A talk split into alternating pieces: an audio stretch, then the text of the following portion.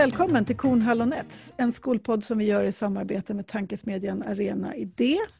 Och vi, det är jag, Ingela Nets, jag är skolledare, utredare, utbildare och Per Kornhall, oberoende expert, författare och ordförande för Sveriges läromedelsförfattares förbund. Hej Per!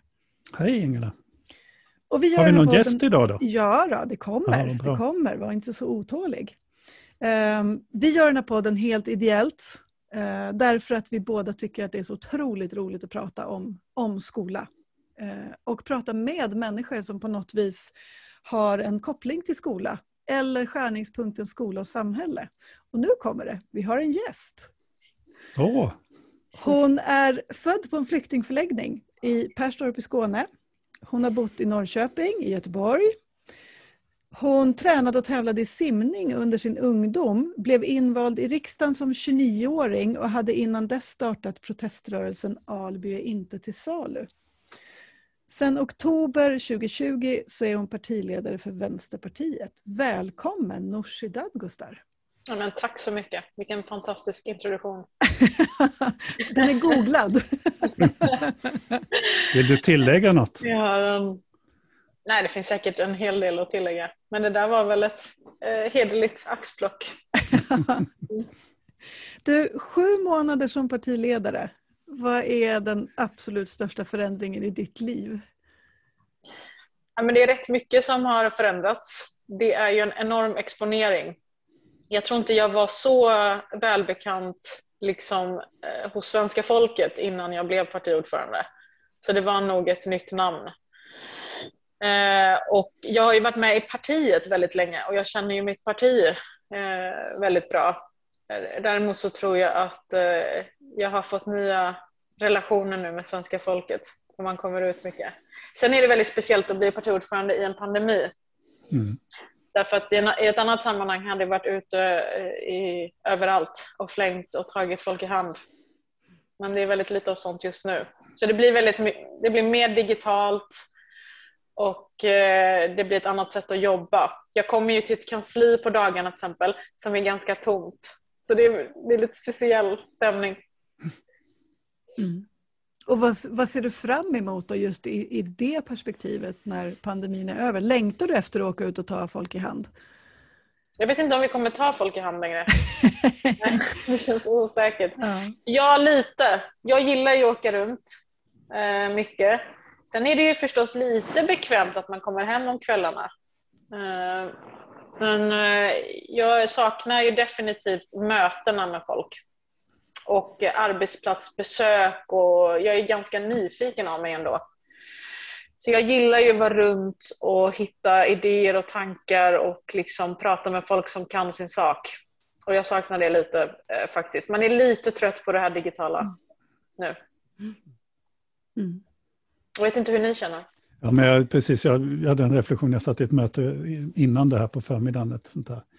Ännu ett av alla dessa många Zoom-möten och det märktes på alla att vi, Alltså, vi bara satt där eh, och, och, och liksom uttryckte hur tråkigt vi tyckte det var.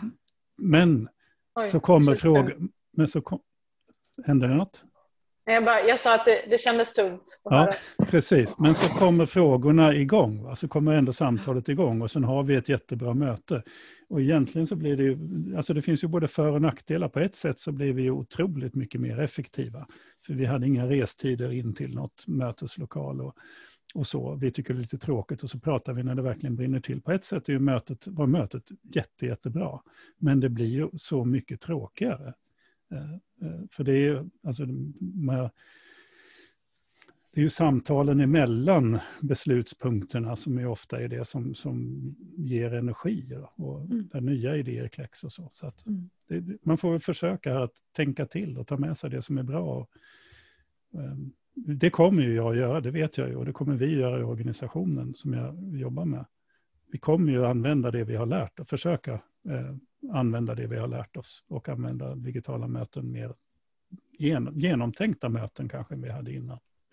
Mm. Men, men... Ja, men det, det, tror jag också i det politiska, att vi har upptäckt nu och liksom utvecklat det här eh, arbetet en del. Att det, man kan ju ganska snabbt sno ihop ett möte mellan partiföreningar, eller jag kan ju besöka platser på ett mycket mer effektivt och snabbare sätt och eh, jag tycker ibland känns det också som att det är fler som kan ansluta därför att det är så enkelt att göra det istället för att åka hela vägen till Folkets hus i Luleå eh, till exempel och så. Eh, så det är både och, jag håller med. Jag tror att vi kommer använda oss mer av de här teknikerna längre fram. Och jag skulle kunna tänka mig att det är en sån roll som din, för där kan det ju vara så att all tid äts upp av de här förflyttningarna och sånt. Mm. Man faktiskt har tid att reflektera lite mer om man tänker igenom hur man, hur man jobbar. Mm. Och samtidigt ser jag, jag ser, nu jobbar jag eh, i en, en liten kommun och är ibland med på nämndmöten och så som tjänsteman. Eh, och, och, ser ju också hur, hur svårt det blir.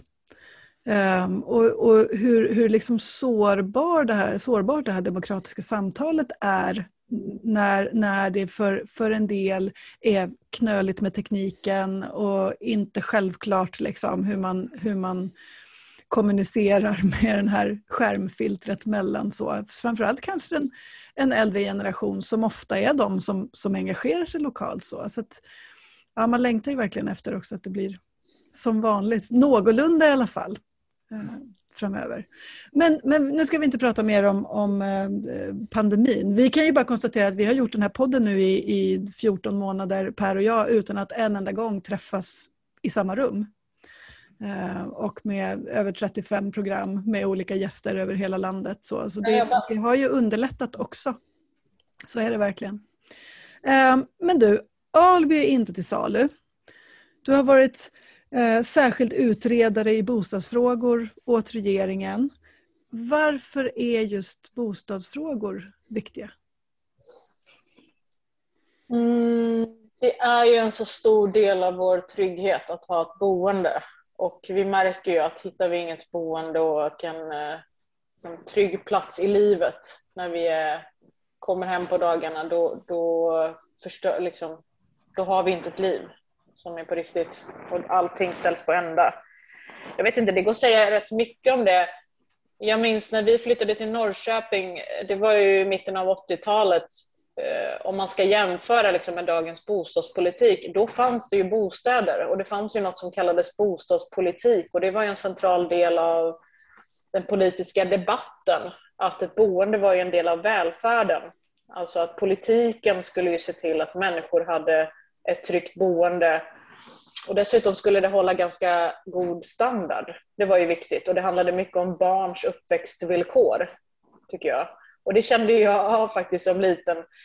Eh, det gick ju att få ett boende, vi bodde i Klockaretorpet, det var ett radhus, liksom. det var en liten gräsplätt och det fanns förskolor där, apropå skoltemat vi har som var alldeles i närheten och det var en helt annan, skulle jag säga, miljö där människor från helt olika samhällsklasser bodde ganska nära varandra, i alla fall just där vi bodde. Eh, så det är ju en bild. Sen minns jag på, på 90-talet när vi flyttade till Göteborg så eh, la de skatteomläggningen där i början av 90-talet ledde ju till att hyrorna gick upp ganska mycket under hela 90-talet. Och då minns jag den oro och stress som mina föräldrar kände under den perioden och jag eh, gick själv runt och satte upp lappar i svalorna, eh, alltså i trapphusen då.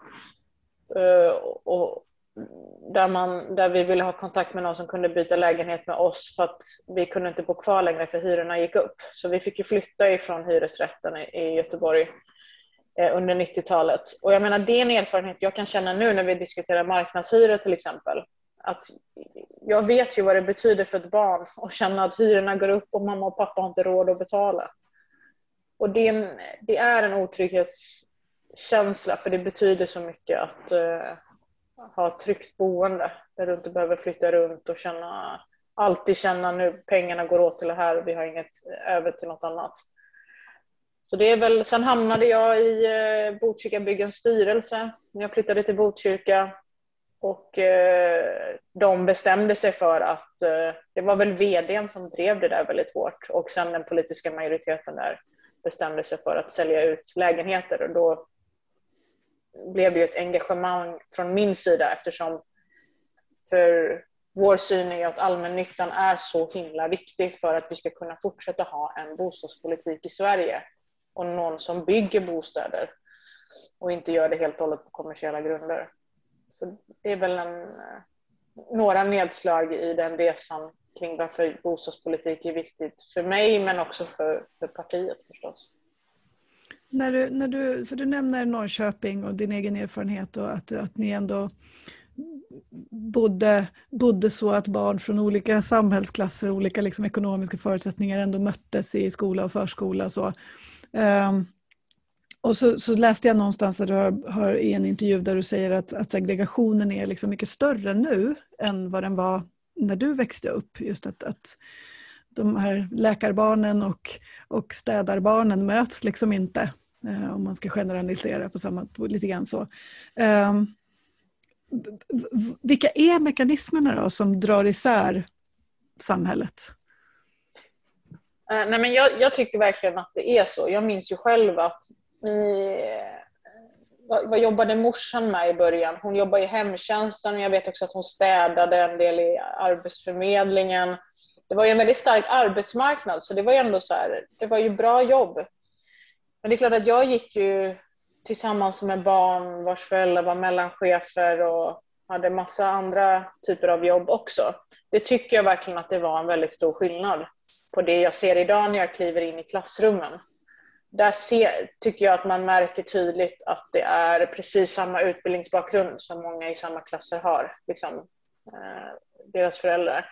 Och det är väl två saker just i skolan som har, tänker jag, bidragit till det. Det är de ökande ekonomiska klyftorna överhuvudtaget.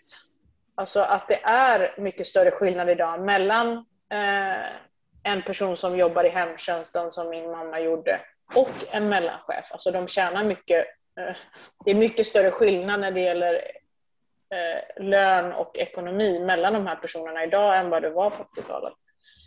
Eh, men också förstås marknadsskolan. Alltså att vi har fått in marknadstänkandet i skolan och den styrningen syftar ju till, om man ska tro en marknad, syftar det ju till att skapa bra och dåligt och det dåliga ska då läggas ner. Det är väl det som är marknad. Eh, problemet är bara att i en skola så kan du då får kanske eleverna gå i en väldigt dålig skola då i 20-30 år och så lägger man... Alltså, det där funkar ju inte tycker jag. I, en, I skolan kan vi inte ha den typen av tänkande.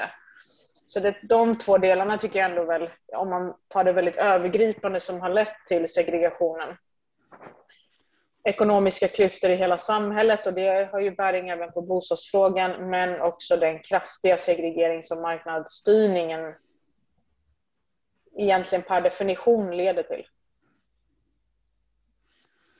Jag har ju suttit och pratat nu de sista dagarna med rätt mycket folk ifrån, som jobbar på förortsskolor då, och de beskriver just det du, det du säger.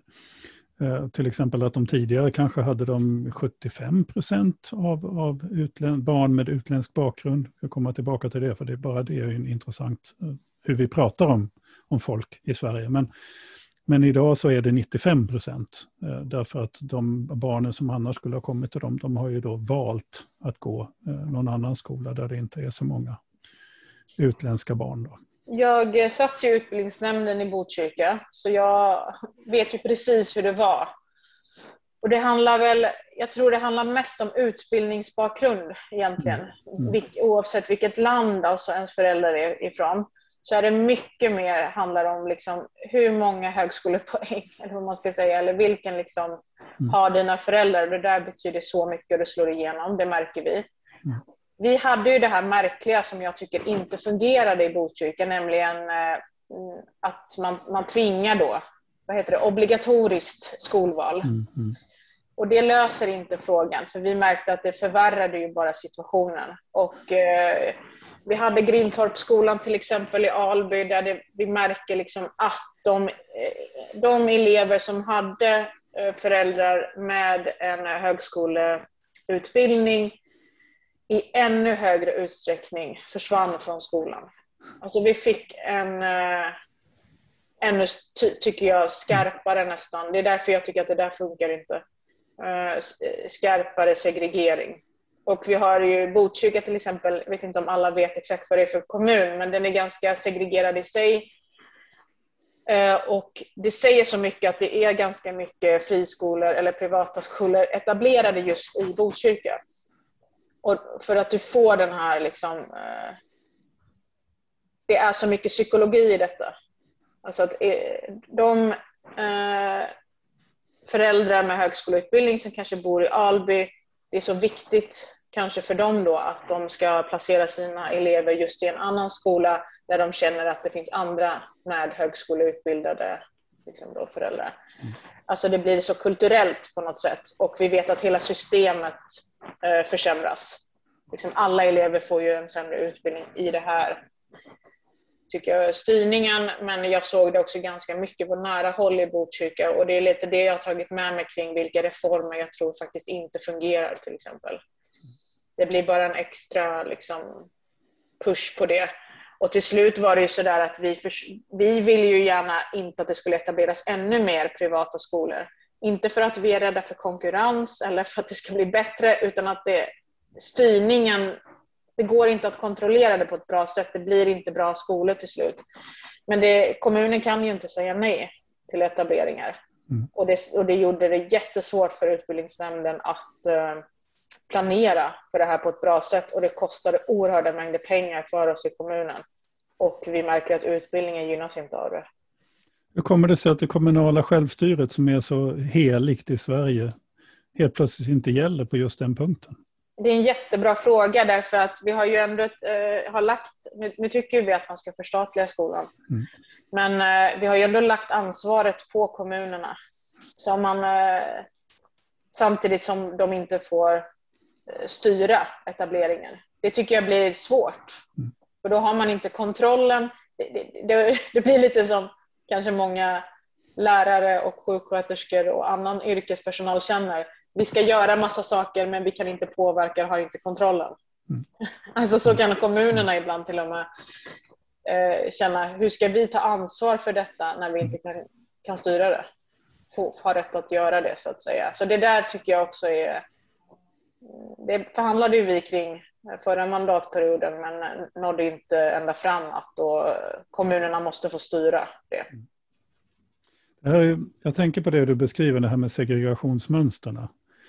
Det här, är, det här är ju jättevälkänt. Alltså det här var känt redan 1990. Alltså det finns, du kan alltså hitta källor som så att säga bråkar med de svenska politikerna 1990 när man vill införa skolvalsmodeller för att det, redan då visste man i forskning i världen att det segregerar. Nu har vi en situation, inför det här samtalet så skriver jag bara ner det, vi har en situation där, där OECDs eh, utbildningschef Andreas Schleicher, OECD, vilket jag måste då säga i Sverige då, att det är ingen vänsterorganisation, säger att skolval och den här finansieringsmodellen vi har valt är en toxic mix, alltså en giftig blandning. Eh, en av världens mest kända utbildningsforskare, Linda Darling Hammond, som inte är på något vis kommunistiskt anstruken, tyvärr, jag är ledsen Nooshi, men alltså, du vet inte ett vänsterparti. Ja, nej, jag vet. Eh, jag märkte redan när jag snubblade där på en gång. Men jag vill bara säga att hon är inte liksom på din, hon är inte långt borta på din, på vänsterkanten, utan hon är någon sorts liberal alltså, människa. Hon är heller inte på Trump-sidan, det ska ju vara tydliga med.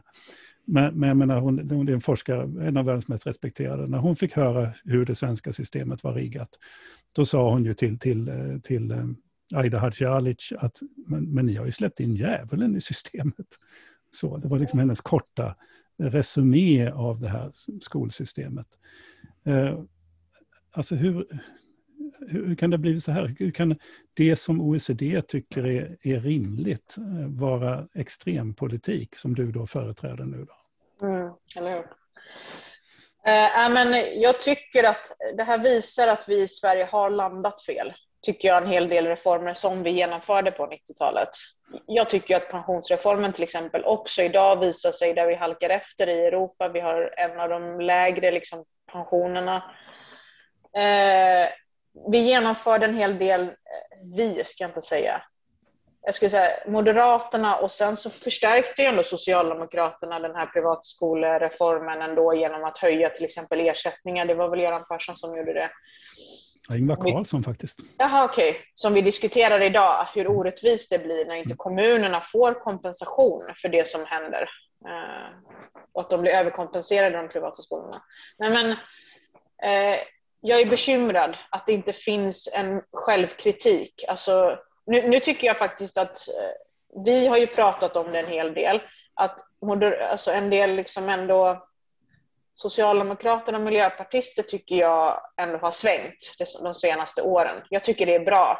Men jag är bekymrad över att det inte finns en kraftfullare självkritik och insikt om att det här blev för extremt, det är för dogmatiskt, det är för skrivbordsaktigt. Vi måste ändå ha ett ansvar för vissa saker. Vi, vi, vi måste ju säga att skolan är en institution på ett helt annat sätt än att det ska liksom följa någon väldigt marknadsliberal eh, te teori som jag känner att det är. Alltså det är marknadsliberaler som har spelat upp några saker på ett skrivbord. Man får den känslan tycker jag. Och så här, så här ska det fungera i den ekonomiska teorin.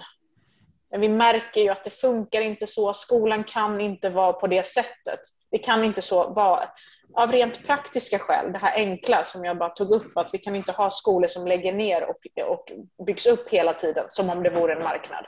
Bara det är liksom orealistiskt. För då har ju massa barn redan gått i den skolan. Alltså, vi, vi kan inte ha den, den teorin är inte ens rätt, tycker jag. Om jag får säga. Liksom. Utan det måste skilja sig från mikrovågsugnar.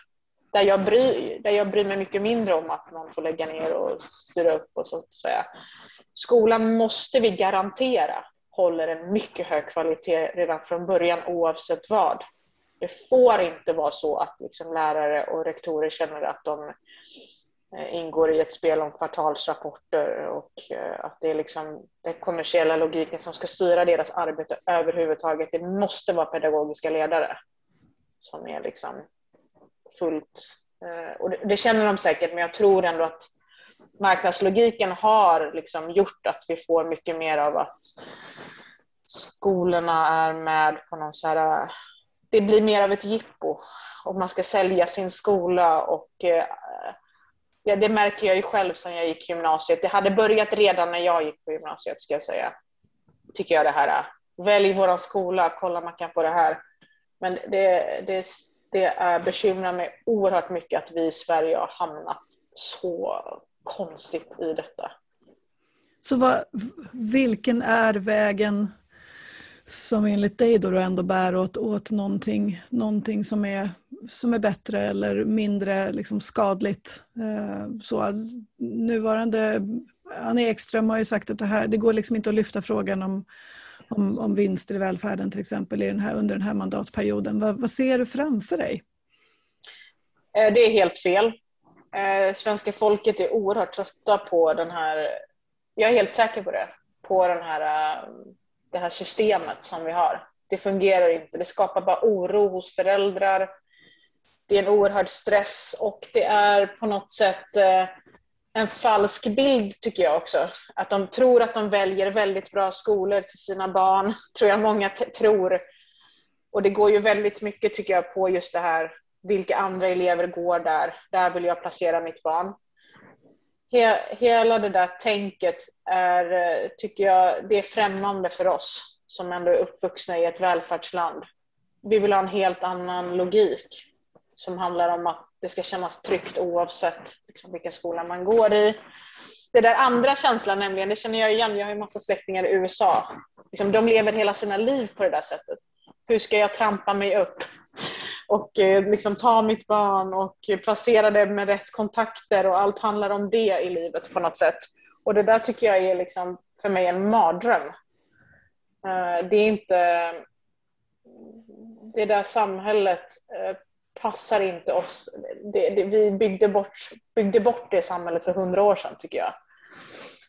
Eh, och jag märker att hela debatten håller på att ändras. Och eh, jag tycker också när jag ser på lärarna och lärarfackförbunden, det har ju ni ännu mer koll på, utifrån kan jag känna att de är ju verkligen, blir ju med åren mer och mer upprörda över detta.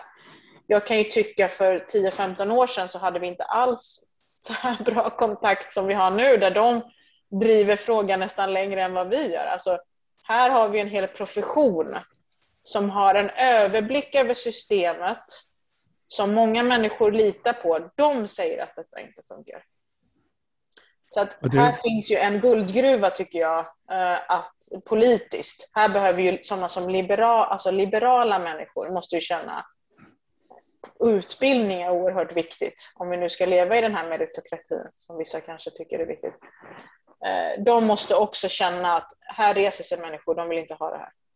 Men ska man, liksom, ska man om man nu tänker sig att man är liberal och, och, och, har de tankarna som, som du ger röst för här, ska man då behöva rösta på Vänsterpartiet i nästa val för att, för, för, och för att den här frågan faktiskt ska bli, liksom, så hamna på agendan och, och ha en, en chans att, att bli förändrad i, liksom, rent politiskt?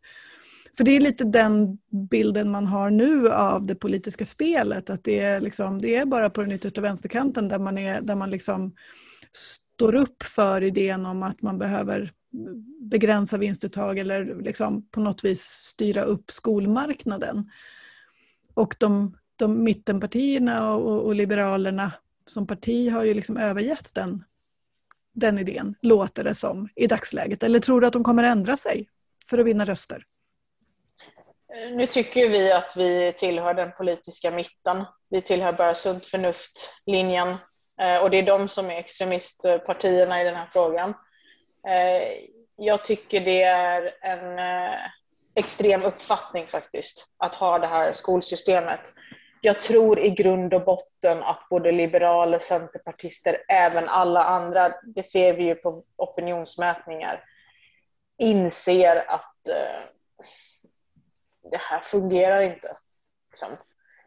Får jag vända till, bara stanna till där, bara för att precis som du säger, det är ju inte bara lärarfacken utan det är också skolledarorganisationerna som ju stöder ett, ett, en förändring av det systemet vi har. Så det är alltså hela, alla som jobbar i skolan med undervisning stödjer ju förändringar av det här systemet. Och sen har vi, precis som du säger, vi har ju de här mätningarna från SOM-institutet som visar att svenska folket är emot vinster i välfärden överhuvudtaget. Eh, så. Och det är en stabil sån majoritet i decennier, skulle man kunna säga snart. Alltså, de ligger precis bara tickar av. Eh, så. Men ändå så landar det inte på något. Jag försöker komma åt det. Varför landar inte den här kunskapen på? Varför är man inte, bryr man sig inte om de här väljarna inne på partikanslierna? Vad är det för du som har lite mer politiskt bevandrad än, än vad jag är. Alltså, vad är det som gör... på Moderaternas kansli. Ja, Moderaterna, men Centern och Liberalerna, för vi har ändå fyra partier minst, ja, till och med fem om vi räknar in eh, Sverigedemokraterna, där den här liksom, eh, insikten inte liksom ramlar in. Vi vet varför Sverigedemokraterna bytte ståndpunkt, för de hade den. De hade ju en linje som var i linje med folkmajoriteten, men de bytte ju efter några bjudmiddagar med, med, med Peje Emilssons kreab. Eh, och så. Mm. Så där vet vi hur det gick till. Men, men hur kommer det sig att folkets röst inte, att man inte bryr sig? Nej men eh, man ska väl eh, känna till att, eh, jag menar en del av anledningarna till att du tar upp det här med pay, pay tänker jag till exempel. Att vi genomförde det här på 90-talet. Det var väl dels att man hade synpunkter på det tidigare systemet men det var ju också ett starkt vinstintresse. Och tittar man nu på de stora kommersiella bolagen som äger skolor, så jag menar, de tjänar ju väldigt stora pengar. Så det är klart att här har vi ju massiva kapitalintressen. Det går väl inte att komma ifrån att eh, det är mycket som ligger i botten där. Och jag tror att, och det är ju bolag som både liberaler och centerpartister har goda kontakter med. Alltså jag tänker till exempel nu är ju frågan om marknadshyror väldigt stort och där vet jag vi har goda kontakter med Hyresgästföreningen men Centerpartiet har alltid haft personer till och med i styrelsen för fastighetsägarnas eh, liksom, fastighetsägarförbundet. Så att eh, här eh, är det väl väldigt eh, tydliga intressen där ute som också spelar in tycker jag. Almega är ju en väldigt stor spelare här när det gäller överhuvudtaget tänkte jag du tog upp vinster i välfärden och där tror jag faktiskt eh, att man ska inte underskatta vilket monster det här skapar. De blir väldigt viktiga spelare i den politiska debatten. Det finns miljarder anledningar till det, eh, helt enkelt. Så jag, det handlar, tror jag, till syvende och sist om det också. Att de försvarar sina pengar och där är både Centern och Liberalerna eh, har ju deras liksom, åsikter. Och det är det som Linda Darling Hammond menade där med sitt citat. Hon menar ju inte djävulen, hon var inte troende. Utan hon menar just det att man släpper in en annan spelare i debatten. Det vill säga att de som diskuterar skola, det är inte, de, det är inte bara de som är intresserade av barns utbildning längre. Utan det finns andra skäl nu till varför eh, man blandar sig i skoldebatten. Så att säga. Det är andra krafter än, än samhällets, vårt gemensamma omsorg om det, om det växande släktet och samhällets demokrati och sånt. Ja, och det där blir en demokratifråga tycker jag. Jag tycker den där, det är helt central det du lyfter här. Alltså det blir liksom, eh, vad har vi gjort med skolan när vi inte ens kan ha det demokratiska samtalet där det är där vi liksom diskuterar det här. Utan det är kommersiella bolag som hela tiden drar med sina intressen.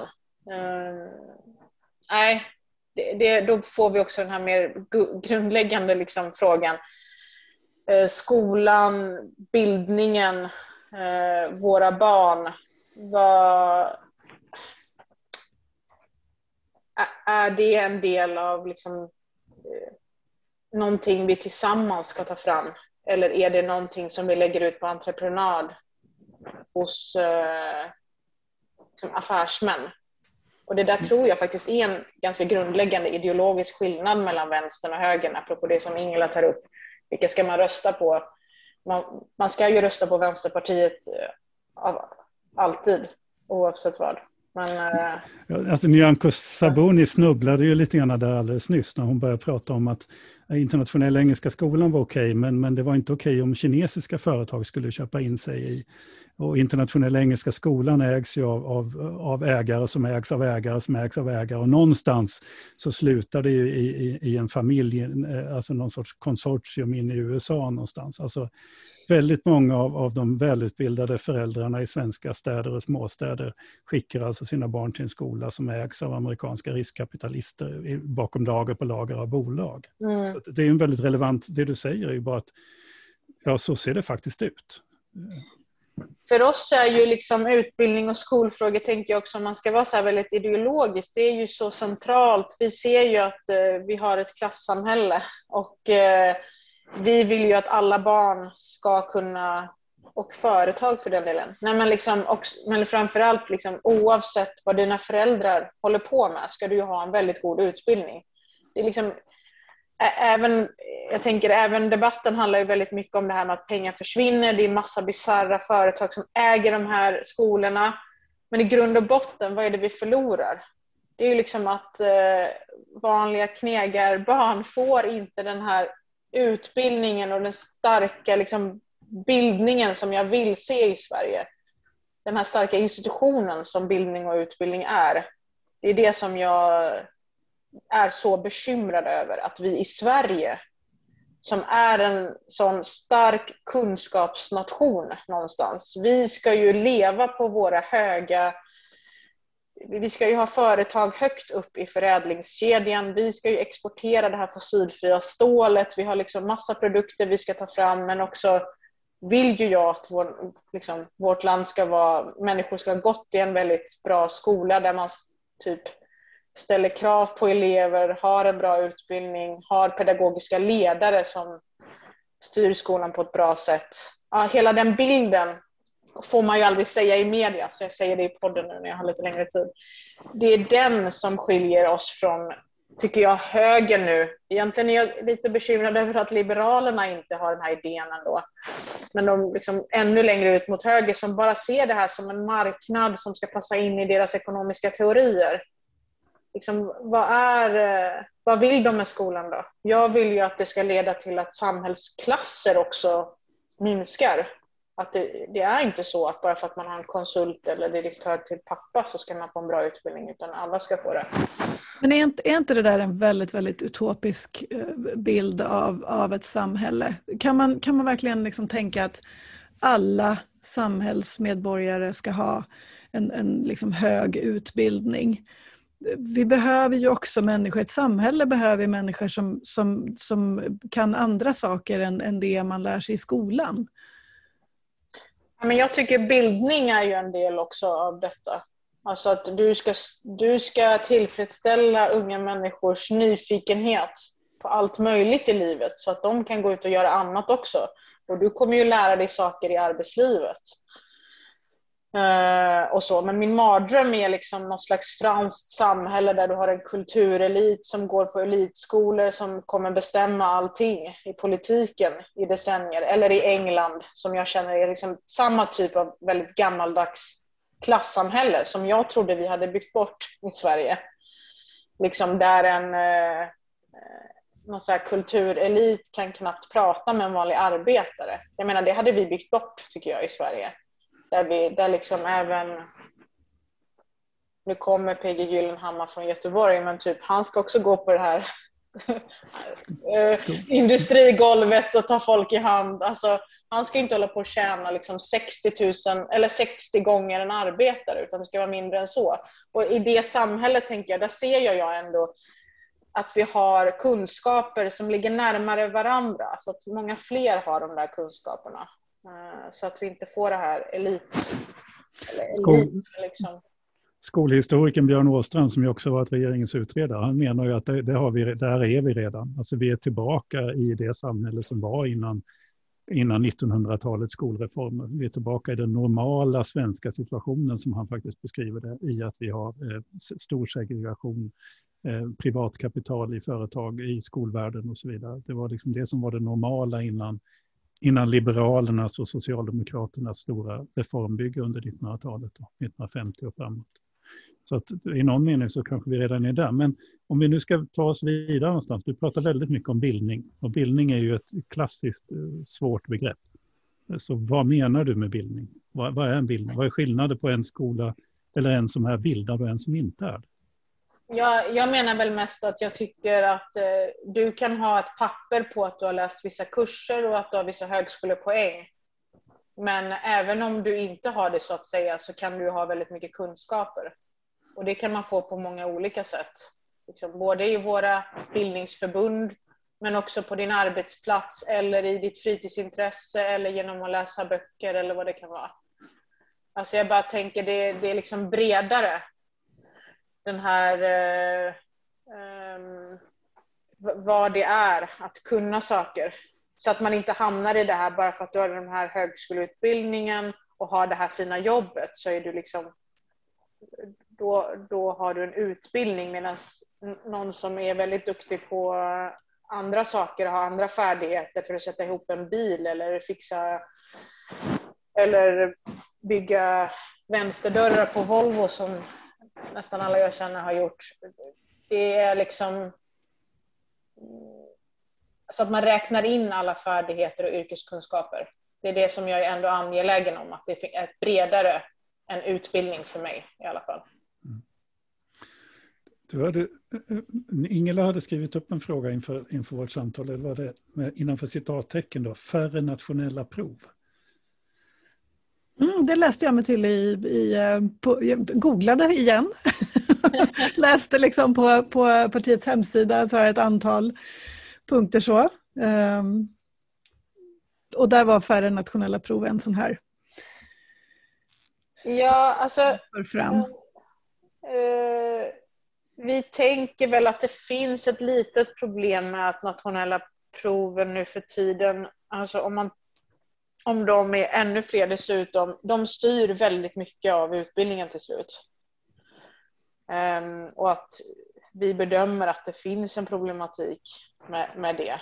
Uh, överlag så känner jag nu att när vi får den här marknaden så får vi också en väldigt stor administrativ överbyggnad som handlar om kontroll. Så nu måste vi kontrollera allting. Och det fråntar lite den typen av kontroll. Vi ska absolut mäta och så, även om det är supersvårt. Det har ni säkert pratat jättemycket om. Jag har, jag har lyssnat för lite. Det är väldigt svårt med mätningar. Så känner jag bara allmänt att vi behöver lyfta diskussionen om att liksom, det, det, det finns nästan bara ett sätt att göra det här på ett bra sätt. Det är att lita på lärarna och att professionen måste styra liksom mer. Och det är väl det som har spelat in i att vi tycker, liksom, särskilt i lägre åldrar, att eh, det ska inte bara vara nationella proven som styr, utan vi, det måste finnas ett utrymme för lärarna att styra och det är det som skapar kvaliteten. Och det hade ju förstås varit ännu bättre om man inte haft någon marknadsskola. Då skulle professionen kunnat styra ännu mer. Ja, jag, brukar, jag brukar jämföra med, med, Finland som inte har några nationella prov och som inte har, eh, de har inte eh, vad heter det, prestationsbaserade löner, de har ingen skolinspektion. Eh, och av någon märklig anledning som vi som svenskar då inte borde förstå så, så lär sig barn saker och ting också i den finska skolan. Och det är ju rätt konstigt eftersom de inte använder några av våra styrmedel. Mm. Men, men då har de ett skolsystem som uttalat bygger på förtroende just för professionen och utan några andra. Alltså det enda du gör som finsk lärare är att du läser läroplanen och så går du ut och gör ditt bästa. Punkt. Det är liksom, så ser skolsystemet ut. Eh. Och det är ju det här som kallas för New Public Management. Att det blir liksom kommunen då som, som bestämmer hur man ska lära ut till slut. Alltså blir det för mycket kontrollapparater tycker jag, då får man ju en styrning som kan bli fel. Alltså det är ju lärarna som kan bäst ändå. Um, så det där tycker jag är ett bekymmer egentligen som finns överallt. För då får vi också så här, det som vi kan mäta, ja det är betygen. Så till slut blir det, okej okay, de här har väldigt höga betyg, då har vi en väldigt bra skola. Och så känner man, mm, riktigt så där är det ju inte. Så det, den här administrationen tycker jag, det är ett jätteproblem som kommer med kommersialiseringen i skolan. Hela det här som du är inne på Per, eh, som tycker jag kringskär också lärarnas utrymme att utveckla sina elever. Vad skulle bli annorlunda om skolan förstatligades? Men man, man får utreda det på ett bra sätt. Exakt vad är det som ska förstatligas och på vilket sätt och så. Eh, en, en, enkel del är väl det här med finansieringen överhuvudtaget. Att då tror vi att man kan få en bättre finansiering så att det inte blir att vissa kommuner som inte har så mycket pengar drar ner väldigt mycket i skolan. Eh, och det blir så ojämlikt då mellan kommuner. Men i övrigt liksom, eh, så behöver man ju titta på det, tycker jag. Vad betyder det? Eh, och så. Men vi, vi har väl dragit slutsatsen att vi tycker inte det blev bra med kommunaliseringen. Att vi tycker att det blev fel och att man kan förbättra det genom att förstatliga det. Men då tycker ju vi att man ska liksom förstatliga även de privata eh, skolorna, för det är det som blir problemet. Ja, det, där är ju, det där är ju spännande bara liksom att leka med den tanken. Då ska, då ska liksom staten göra någon sorts fientligt övertagande av, av privat egendom, eller det vi pratar om här. Ja, men det får man ju verkligen titta på. Jag menar bara att jag tycker det, för mig blir det en konstig tanke att det är för ojämlikt mellan kommunerna. Jag tänker på andra partier som också tycker förstatligande. Men sen vill de ändå behålla de privata skolorna. Alltså då blir det ju ändå ojämlikt. Det är någonting med det bara som jag tycker man måste ta tag i. Vårt förslag är ju allmänt bara att det inte ska finnas, ehm, att man inte ska kunna göra vinst och plocka ut massa pengar ur skolan. Det är ju vårt förslag på det. Så det är därför jag också pekar på att vi behöver utreda i så fall hur det här förstatligandet ska se ut och eh, hur vi ser till att det blir bra och vad det egentligen betyder.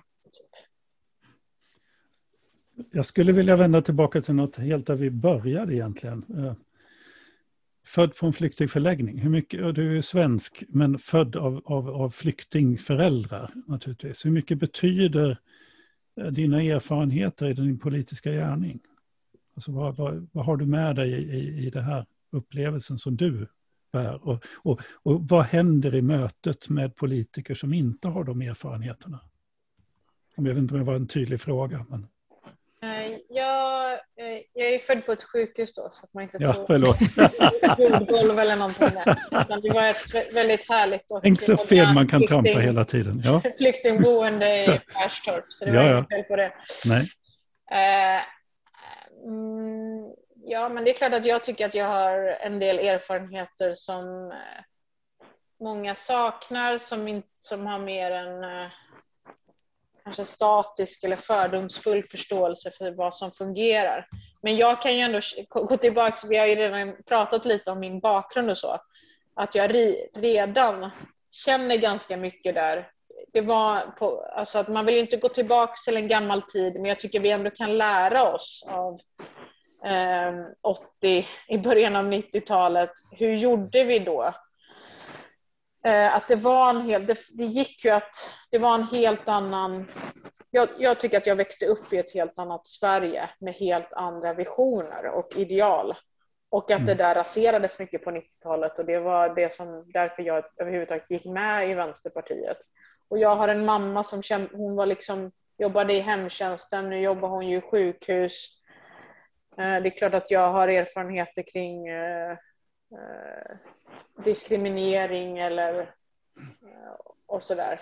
Samtidigt så tycker jag ju att jag hade en väldigt bra barndom och kan känna att de som har eh, de som växer upp med en morsa som jobbar i hemtjänsten och en farsa som jobbar i byggbranschen idag tycker jag har det svårare liksom, än när jag eh, växte upp. Jag tänkte, tänkte på det, för det, det var en annan en amerikansk professor jag har pratat med som var i Sverige först på 70-talet studerade, som doktorand och studerade skolsystemet i Sverige. Sen var han tillbaka 1992 faktiskt med en OECD-kommission. Eh, och gjorde då, eh, mötte skolfolk och så. Och sen var han tillbaka i den här kommissionen som, eh, som OECD anordnade 2015. Han säger att det som chockade honom var hur svenska föräldrar pratade om andra barn. Det vill säga, nu när 2015 så sa de att de var så glada över att deras barn slapp gå med de där barnen. Han sa att 1970-talet var det, fanns det inte på kartan överhuvudtaget och inte heller 1992. Men 2015 så fanns det en helt annan kultur. Alltså han speglar det du säger, fast från en då så att säga, en tillresande, studerande amerikansk forskarhorisont. Så beskriver han alltså att det har skett någonting i, i kulturen som, som oroar honom djupt. Eh, faktiskt. Och den krisinsikten borde ju fler politiker, tycker jag, ha. Alltså det, det, du bygger ju in motsättningar i samhället bara genom marknadsskolan. Tycker jag. Och det är ju extremt allvarligt. Mm. Och jag, jag, har egentligen allt mindre förståelse för de som försvarar just de här kapitalintressena som jag tycker liksom ligger i botten här. Det måste, jag märker ju också att det sker en förflyttning när det är så många som är kritiska. Men det borde gå snabbare. Det kan inte vara rimligt att ha de här motsättningarna. Eller så vill man återskapa det som du är inne på, det gamla klassamhället. Och det är det det handlar om i så fall. Då. Vi, ställde, vi hade Bengt Westerberg som gäst för inte så länge sedan i podden och ställde frågan till honom eh, apropå det du säger om den här krisinsikten och du var inne på tidigare att man borde liksom ett antal politiska partier borde eh, ha modet nog att liksom se sina gamla beslut och konstatera att det blev inget bra. Eh, är, är lusten till makten större än Eh, lojaliteten till den moraliska kompassen i partiet och liksom de idéer som man, som man politiskt liksom någonstans i alla fall har som utgångspunkt i sitt, i sitt, i sitt politiska arbete? Är, är den där liksom maktbehovet större så att det övertrumfar kompassen? Eh, det är väl så, i så fall en ängslan dels eh, kring att liksom, sätta sig emot de här kapitalintressena. Att man är rädd för det. Att, att de drar igång en kampanj. Och då tycker jag i sig att man borde känna kris. Mm. Eh, därför att då har vi kommit till en punkt där det är någon annan som bestämmer än de vi har valt. Att det är de med pengar och då har vi slagit undan hela idén om demokratin på något sätt. För jag menar ju att jag tror att svenska folket står bakom en sån här ändring. Alltså, då, skulle man få fler röster jag är uppfattningen om. Och jag tror nog också att det som du sa, att det sker också en lite grann en förändring. Bengt Westerberg blev ju väldigt tveksam när han åkte hem till Södertälje och såg hur det hade blivit. Mm. Beatrice Ask har jag ju pratat med och hon menar ju själv att, att ja, det var ju inte meningen att det skulle bli sådana här riskkapitalister och aktiebolag. Det var liksom inte hennes vision. Så långt sträcker hon sig, sen vill hon inte så gärna prata om det. Vi har ju borgerliga ledarsidor nu som börjar skift, förändras mm. i tilltalet när man inser att, att, att vi behöver kanske, jag menar likvärdighetsutredningen av Björn Åstrand sätter sina spår i att människor tycker att vi, ja, vi kanske faktiskt måste göra någonting i alla fall. Det mm. finns en liten vindkantring i samtalet eh, som väl handlar om att de som beslutar om det här kanske nu börjar bli pensionera sig och så, men, men jag vet inte. Jag, jag, tror att vi är missgynnade av att de här, den här industrin har växt sig så starkt och har en så stor röst. Mm. Och, och, det, och det eh, rör till det. Men det är klart att det är också en faktor av att när du bygger in ett sånt här system då lever människor sig in i det så mycket så att det blir, då blir de stressade när de kanske tänker oj, ska mitt barn då gå med de här eleverna? Alltså då har man liksom byggt in de här klyftorna så himla mycket. Eh, problemet är bara att fortsätter man, det låta, alltså fortsätter man det gå så kommer det ju till slut vara ännu svårare att ändra det. Mm. Så det är klart att det är det, det, där lilla som jag tror, vilket bekymrar mig, det som du säger Per, liksom att ska vi se varandra som fiender? Hur ska det gå sen när vi kommer ut i arbetslivet? Alla som pratar tycker jag också, de har ju själv gått i, i den andra skolan, i den sammanhållna skolan. Och så ska de tvinga andra att gå i den här skolan. Det är inte, det är inte schysst, tycker jag. Vi, vi, vi behöver börja, börja runda av. Um, du har läst juridik innan du började med politik på heltid. Ser du någonstans långt där framme en, en civil karriär efter din politiska gärning eller, eller vad tänker du idag? Liksom? Går det ens att tänka sen när man, när man har en sån roll som du har? Jo, men det hoppas jag. Jag läste ju mycket kommersiell rätt och finansrätt. Så jag hade ju tänkt att jag skulle jobba med något kring det. Så det hoppas jag att jag kan göra efter det här. Och hur länge, hur länge tror du att det här kommer att hålla på? jag vet att det inte är dina händer men det, är din, din vilja är ju liksom ett, ett, en viktig faktor naturligtvis. Ingela, jag har ju precis börjat. Jag vet. det är därför är jag frågar, för jag tänker det liksom... ja, nu ska jag redan... Ja, men jag är för oplanerad, så det här planerat liv har jag inte. Så det kan, vi får se. Är det kul att vara partiledare? Alltså jag tycker det är väldigt kul än så länge. Jag tycker det är roligt. Mm. Uh, och uh, jag är ju så här, varit med länge och kan mm. partiet. Så jag känner mig trygg och kan göra, har tänkt ut lite saker mm. som jag tänker sjösätta mm. och sådär. Och det känns väldigt spännande. Det är en spännande politisk tid. Vi kommer till exempel att få bort marknadsskolan ganska ja. snart. Härligt. Ska vi ta det som ett löfte? Absolut. du, en, en sista fråga. Um, innan du blev partiledare så hade du ett Twitter-alias som jag tyckte var det absolut smartaste på nätet. Mm. Du hette Noshit. Varför bytte du? Det var helt ofrivilligt och det var på grund av eh, eh, min stab här som sa åt mig att ändra. Okay.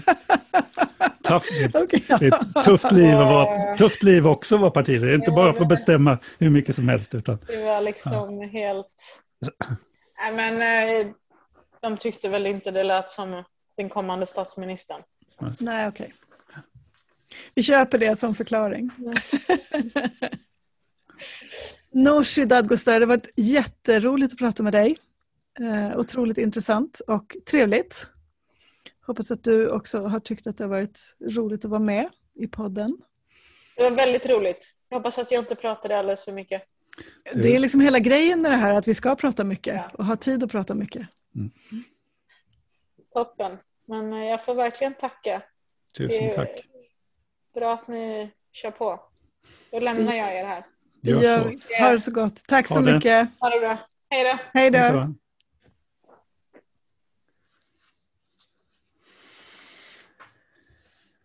Aha. Ja, man kanske inte ska fråga en alldeles nyvald partiledare hur länge, hur länge de tänker hålla på. Jag hade inga baktankar med frågan, jag bara är så nyfiken på just det här. Vad, Ja. vad, hur, hur, liksom, hur tänker man om sitt liv när man har en sån Ja. utsatt och eh, liksom... Men det är ändå intressant svaret. Mm. Framförallt skulle jag väl då rekommendera de som bara lyssnar att, att gå in och titta på bara hur hon ser ut när hon svarar på de här sista frågorna. Eh, därför att eh, då är det alltså uppenbart att, att eh, bakom det, vad ska vi säga, lite skrattande, bortskämtande Ja. svaret som hon ger, så är det någon som är väldigt, väldigt medveten om vad hon gör. Någon som, som uttrycker sig själv som att hon kan partiet och har en Mm. tanke och en plan bakom det hon gör. Även om Mm. man inte kan, man kan naturligtvis inte bestämma att man ska hamna i en sån position, för det är så många olika faktorer. Mm. och Så. Men att hon har, det såg ju verkligen ut som att hon hade tänkt igenom eh, det som sker. Mm. Eh, och det syntes i ögonen mer än, Mm. än i det hon sa. Då, Mm. Ja, verkligen. Mm. Mm.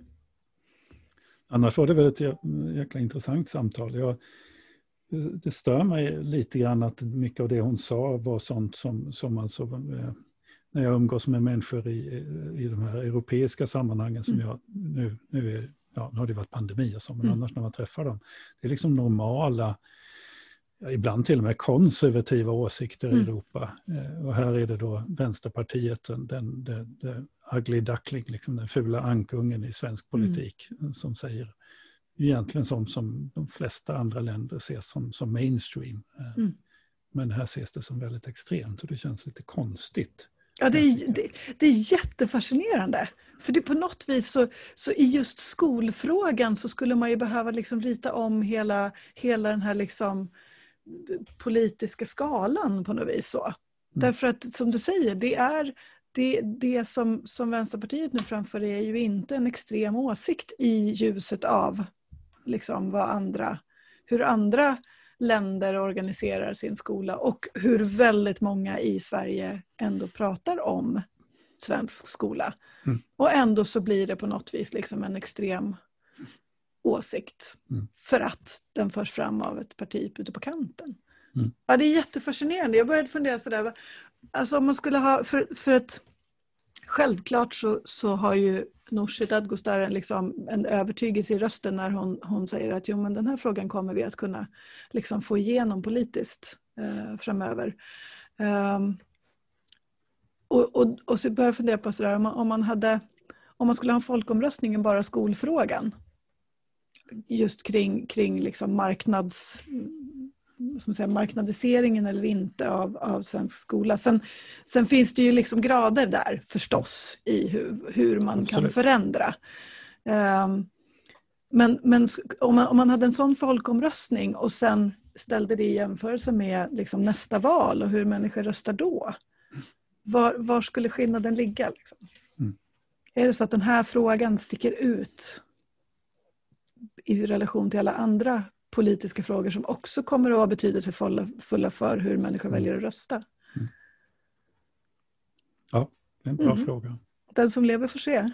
Sen Det är ju inte också så mycket att- mer än ett år kvar. Lite nej, drygt. det, nej, usch ja. Det hem, hemskt är ordets rätta bemärkelse. Hemskt spännande. Ja, verkligen. Sen har ju hon och deras parti naturligtvis, det är ju, det är ju både tråkigt att inte bli inbjuden i det politiska samtalet, i alla fall officiellt, Mm. eh, så att säga, eh, att marginalisera. Samtidigt så ger de ju dem ju frihet att tycka precis vad de vill. De Mm. behöver inte ta samma typ av hänsyn. Sen tar de säkert en massa hänsyn i alla fall som Mm. inte vi känner till. Men Mm. rent teoretiskt sett så kan de ju vara en opposition. Eh, För de är inte inblandade i att, att ha lovat saker i, i en januariöverenskommelse eller, eller tillhöra någon allians som, som Nej. sätter ramar för vilka tankar och vilka åsikter de bör ha. Mm. Och det är ju det som är, kan jag tycka är poängen med att vi har partipolitik, är ju Mm. att partierna ska vara olika, ska vara fria, Mm. individuella. Mm. Annars är det rätt så meningslöst. Då kan vi Mm. ha ett sånt där amerikanskt system där vi bara byter mellan två, två lag. Ja, precis. Eh, Mm. Nu Ja. sa jag någonting så. Ja. mm. ibland blir man sur. ja. ja. ja, men du, eh, det här var roligt. Ja. Som alltid när ja. vi gör podd tycker jag. Mm. Eh, det hoppas vi att ni som lyssnar också tycker. Du har precis lyssnat på ett avsnitt av Kornhall och Nets, en skolpodd som vi gör i samarbete med tankesmedjan Arena Idé och det är vi, Ingela Nets och Per Kornhall som gör den. Du vet säkert vid det här laget att du faktiskt också kan se oss i de här samtalen och ibland, precis som Per kommenterade här, så, så är det ibland värt att se ansiktsuttryck och, och gester från, från våra gäster också. Um, och då kan man göra det på Youtube. Vad skulle du säga nu? Gäster med, med gester. gester. Jag förstod det. det här är den nya versionen. Eller hur? Ja. Eh, på Youtube kan man söka på Kornhallonät, då hittar man oss där och också via Arena Idés hemsida och eh, Facebook-sida. Med det, tack för idag. Vi hörs snart igen. Ha tack det så gott. Hej. Hej då.